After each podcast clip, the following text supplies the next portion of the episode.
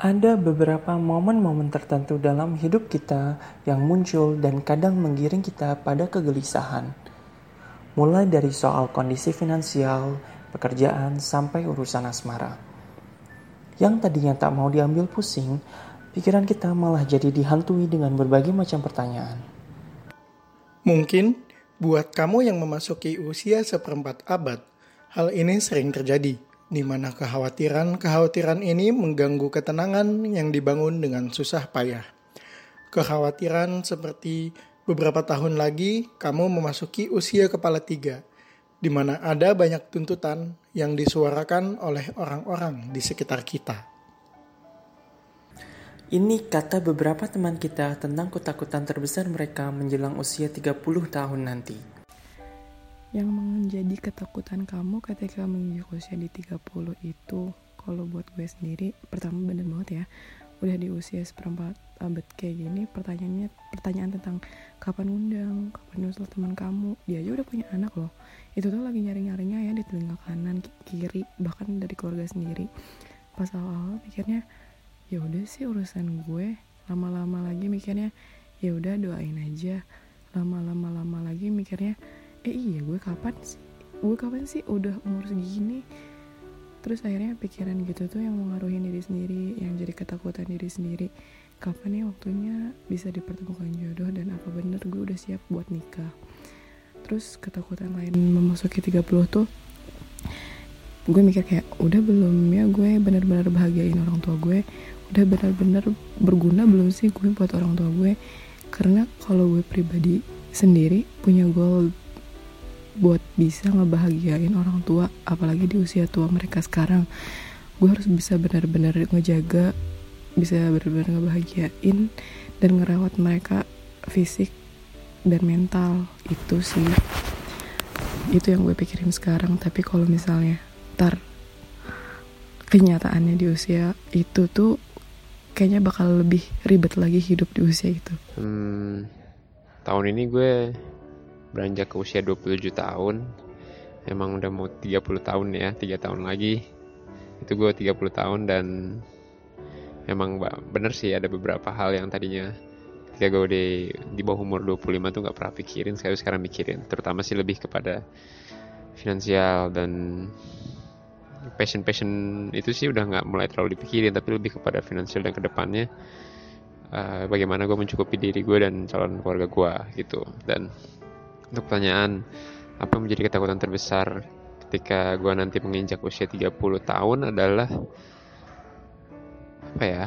Kalau gue sih ngerasa gue takut gue nggak uh, melakukan yang seharusnya uh, anak umur 30 tahun lakukan gitu loh. Jadi awal tahun itu gue diingatkan oleh pacar gue kalau tahun ini gue umur 27 tahun dan di situ gue emang berpikir keras bahwa kayak ada terenyuh gitu bahwa oke okay, gue nggak boleh main-main lagi gitu. Jadi tahun ini sih gue berusaha sebisa mungkin untuk tidak sering ngeluh gitu tidak sering ngeluh dengan apa yang telah gue jalani apa yang telah gue pilih.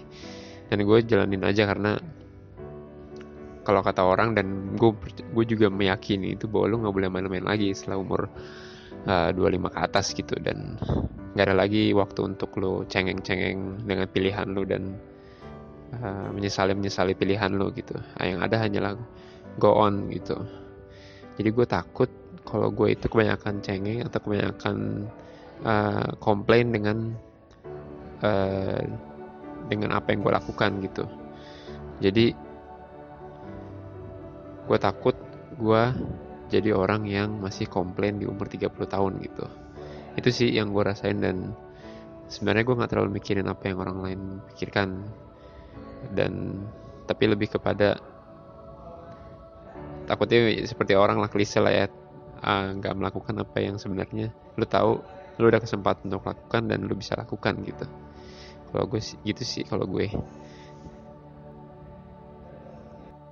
Aku baru ulang tahun ke-25 itu bulan lalu. Lalu sekarang ditanya soal 30 tuh ketakutan-ketakutannya mungkin jadi masih nyambung dengan ketakutan waktu umur 25 kalau kemarin-kemarin pertanyaannya adalah apakah hidup akan begini-begini aja.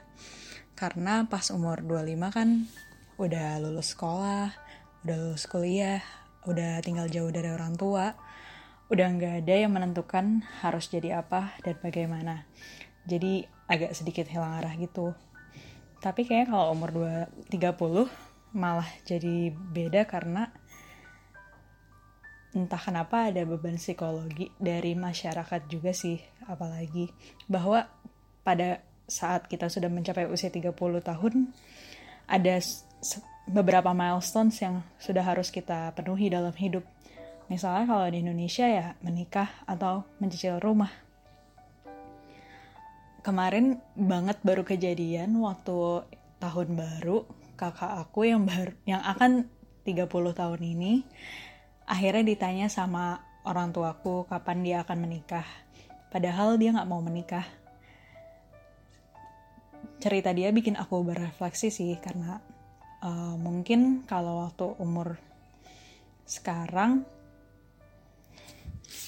sorry mungkin jadinya ketakutan-ketakutan terbesar waktu umur 30 adalah ketika aku mengambil pilihan untuk apalagi pilihan-pilihan besar dalam hidup misalnya untuk menikah atau settle down dan beli rumah atau pindah pekerjaan bukan karena keinginan aku, tapi karena aku merasa bahwa ya ini sudah waktunya. Padahal yang menentukan waktu itu ya juga masyarakat, bukan keinginan aku sendiri. Mungkin itu sih ketakutan-ketakutan besar umur 30 kalau harus menikah cuma karena harus punya rumah hanya karena semua orang bilang itu sewajarnya dan melakukan tindakan-tindakan besar hanya karena aku merasa aku harus melakukan sesuatu. Padahal sebenarnya nggak dilakukan pun nggak apa-apa. Jadi ketakutan terbesar gue ketika menginjakan kaki di usia 30 tahun itu kurang lebih ada tiga. Yang pertama adalah ketika gue sama sekali belum melangkahkan kaki gue di track yang sejalan dengan mimpi yang gue punya. Dan gue sama sekali belum berjalan ke arah sana gitu intinya sedangkan mimpi yang gue punya itu adalah gue mau membangun sekolah musik gratis untuk anak Indonesia yang nggak mampu dan dana operasionalnya itu gue dapet dari subsidi silang keuntungan gue dari usaha yang lain di bidang kuliner yang sampai sekarang masih gue keep konsepnya apa ya karena gue melihatnya banyak banget sebenarnya anak muda Indonesia yang punya skill di situ punya talenta di musik tapi mereka nggak terlalu berkembang karena keterbatasan biaya untuk bisa mengecap pendidikan musik yang baik. Ya kita tahu lah di Indonesia sekolah musik yang bagus, yang ya, yang kece, yang linknya bagus-bagus ya mahal, nggak murah. Dan kalau ngomongin les juga sama gitu, yang tempat les bagus juga mahal gitu. Nggak semuanya terjangkau. Sedangkan kalau musik ya setengah-setengah ya hasilnya juga setengah-setengah nggak bisa maksimal. Ya nggak cuma musik sih sebenarnya semuanya. Cuman gue spesifik di musik. Um, so itu ketakutan yang pertama. Ketakutan yang kedua adalah ketika di usia segitu gue belum bisa memberikan menantu untuk orang tua gue sebenarnya fun fine aja kalau mau 34 ya 35 36 cuma setelah dipikir-pikir ketika gue bertambah usia mereka juga bertambah tua. Gitu. Sedangkan harapan gue adalah ketika gue merit ya mereka tuh komplit. Bokap ada nyokap ada. Jadi nggak cuma nyokap nggak cuma bokap. Gitu. Again it's just a wish. Terus yang ketiga adalah ketika gua belum memiliki usaha sendiri. Ini soal prinsip sih. Karena gue bilang ke nyokap eh, gue nggak mau seumur hidup gue gue habiskan jadi seorang karyawan. Karena apa pun level lu apa pun jabatan lu di kantor ya lu tetap orang suruhan. Lu tetap kacung lah kasarnya. Sedangkan kalau usaha sendiri ya lu bosnya gitu sekecil apa pun usahanya. Itu sih kurang lebih beberapa ketakutan terbesar gue ketika mengejakan kaki di usia 30 tahun. 30 tahun ya? Hmm. Sebenarnya lebih ke arah di mana aku akan menetap apakah aku akan selamanya di Jakarta atau pindah ke kota lain misalnya ke Bandung atau kembali ke kampung halamanku di Batam Pertimbangan pertama, kalau aku di Jakarta, di usia segitu, insya Allah aku akan punya keluarga kecil ya. Dan pasti kami akan tinggal di pinggiran karena harga rumah di kota akan sangat tinggi dan tidak terjangkau. Aku nggak tahu apakah itu akan sehat untuk keluarga kami, karena aku dan suami pasti harus commute dari rumah ke kantor. Belum lagi pertimbangan udara, lingkungan di Jakarta. Aku nggak tahu apakah itu akan sehat untuk anak-anakku tumbuh atau enggak. Pertimbangan yang kedua Bandung. Bandung, kenapa Bandung? Aku merasa sangat nyaman di Bandung. Tapi dengar-dengar sekarang Bandung juga nggak lebih baik dari Jakarta. Macetnya yang makin gila-gilaan, polusi dan uh, segala macamnya gitu ya. Yang ketiga, pertimbangan aku untuk pulang ke Batam itu sebenarnya lagi aku pikirin untuk 1 sampai 2 tahun ini. Kalau personal achievement aku tidak tercapai jujur aku masih pingin S2 dan aku masih uh, kejar itu gitu kalau misalnya tidak tercapai aku lagi berpikir untuk pulang dulu ke Batam tinggal di rumah orang tuaku dan kerja di sana sambil aku nabung untuk aku beli aset di sana misalnya tanah. Karena di sana masih cukup affordable untuk hal-hal yang kayak gitu rumah tanah dan segala dan segalanya gitu. Um, tapi untuk tinggal jangka panjang di Batam aku belum tahu. Karena akses di sana untuk hal-hal budaya misalnya culture or education untuk anak-anak menurutku kurang gitu. Jadi aku masih bingung. Kebingungan terbesarnya sebenarnya sekarang adalah di mana aku akan menetap. Itu sih. Sebetulnya sekarang usia aku 25 tahun dan aku udah ngerasa takut. Karena aku sadar betul kalau waktu tuh berjalan terlalu cepat. Kayak sekarang tiba-tiba udah 2020 terus besok-besok bangun udah 2021 dan mungkin terlebih karena aku sudah atau masih mengalami quarter life crisis yang bukan cuman mitos. Kita tuh kadang ngerasa capek sama ekspektasi orang terdekat. Di samping semua tanggung jawab besar yang udah mulai kita emban. Kayak bayar ini, bayar itu. Harus ngerjain ini, ngerjain itu. Deadline ini, deadline itu. Jadi kayak lumrah banget kalau kita capek. Terlebih kita udah mulai sedikit-sedikit bandingin hidup kita sama teman sebaya kayak yang ini udah tunangan yang ini udah nikah yang ini udah punya anak dua yang ini kerjaannya oke okay. sedangkan kayak kita masih jalan di tempat yang sama and it is indeed stressful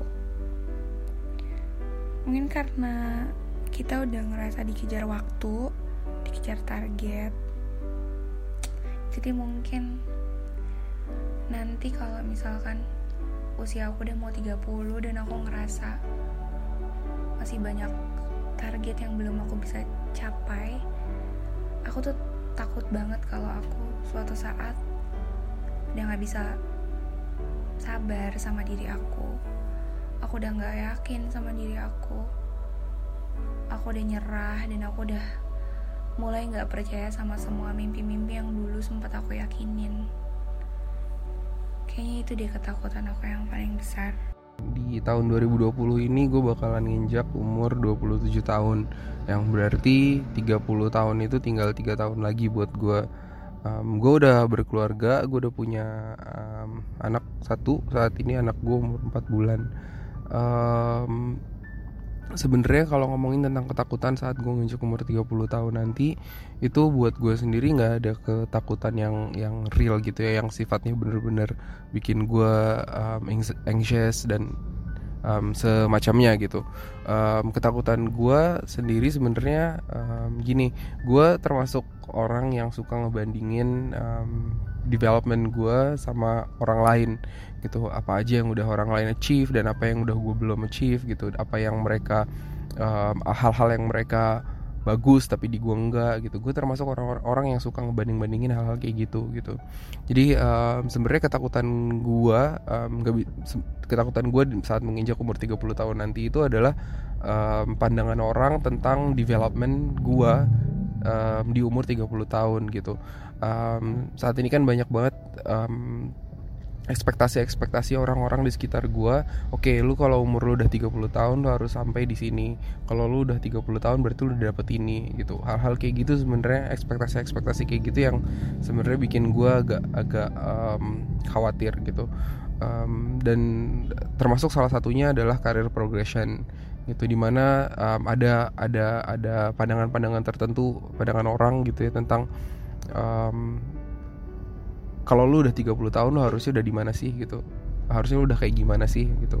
Nah hal-hal kayak gitu sebenarnya gue takut aja gue belum bisa berkembang sebagaimana mestinya gitu. Jadi um, sekarang yang gue lakuin untuk overcome um, rasa ketakutan itu adalah gue berusaha untuk um, melihat sekeliling gue lebih baik lagi gitu. Gue ngerasa um, um, gue udah cukup beruntung gitu dengan apa yang gue punya sampai sejauh ini gitu. Dan gue juga berusaha untuk melatih diri gue untuk nggak selalu ngebandingin sama orang-orang lain gitu ngebandingin perkembangan gue sama orang lain. Tapi gue berusaha untuk ngebandingin diri gue dengan diri gue um, di hari-hari sebelumnya gitu. Um, sebagai contohnya kalau misalkan hari ini gue belum bisa ngelakuin sesuatu paling enggak um, besok gue harus perbaiki itu atau uh, kalau gue ngerasa hari ini um, gue udah achieve sesuatu gue harus sadari bahwa kemarin atau dua hari yang lalu atau bahkan as far back as seminggu sebulan setahun yang lalu gue belum bisa ngelakuin itu gitu.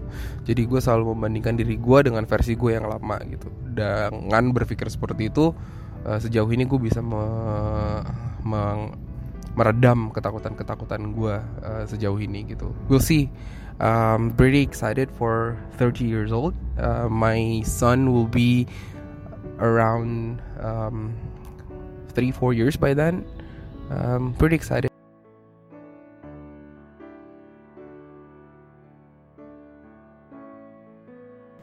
Layaknya komunikasi, hidup di dunia pun penuh dengan noise.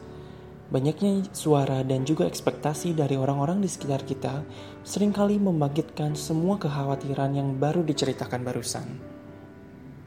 Padahal, tidak ada yang tahu kapan kita akan mencapai tujuan masing-masing. Bukan urusan kita pula memikirkan itu, karena hidup bukan untuk saling mendahului. Lalu, apa yang bisa kita lakukan? Sambil terus berusaha, mungkin kita bisa terus bersender pada waktu sambil menjaga diri dan mencukupkan ikatan. Jangan lupa menguatkan diri atas pertanyaan yang memburu, sambil terus mengingatkan diri kalau besok mungkin kita akan sampai.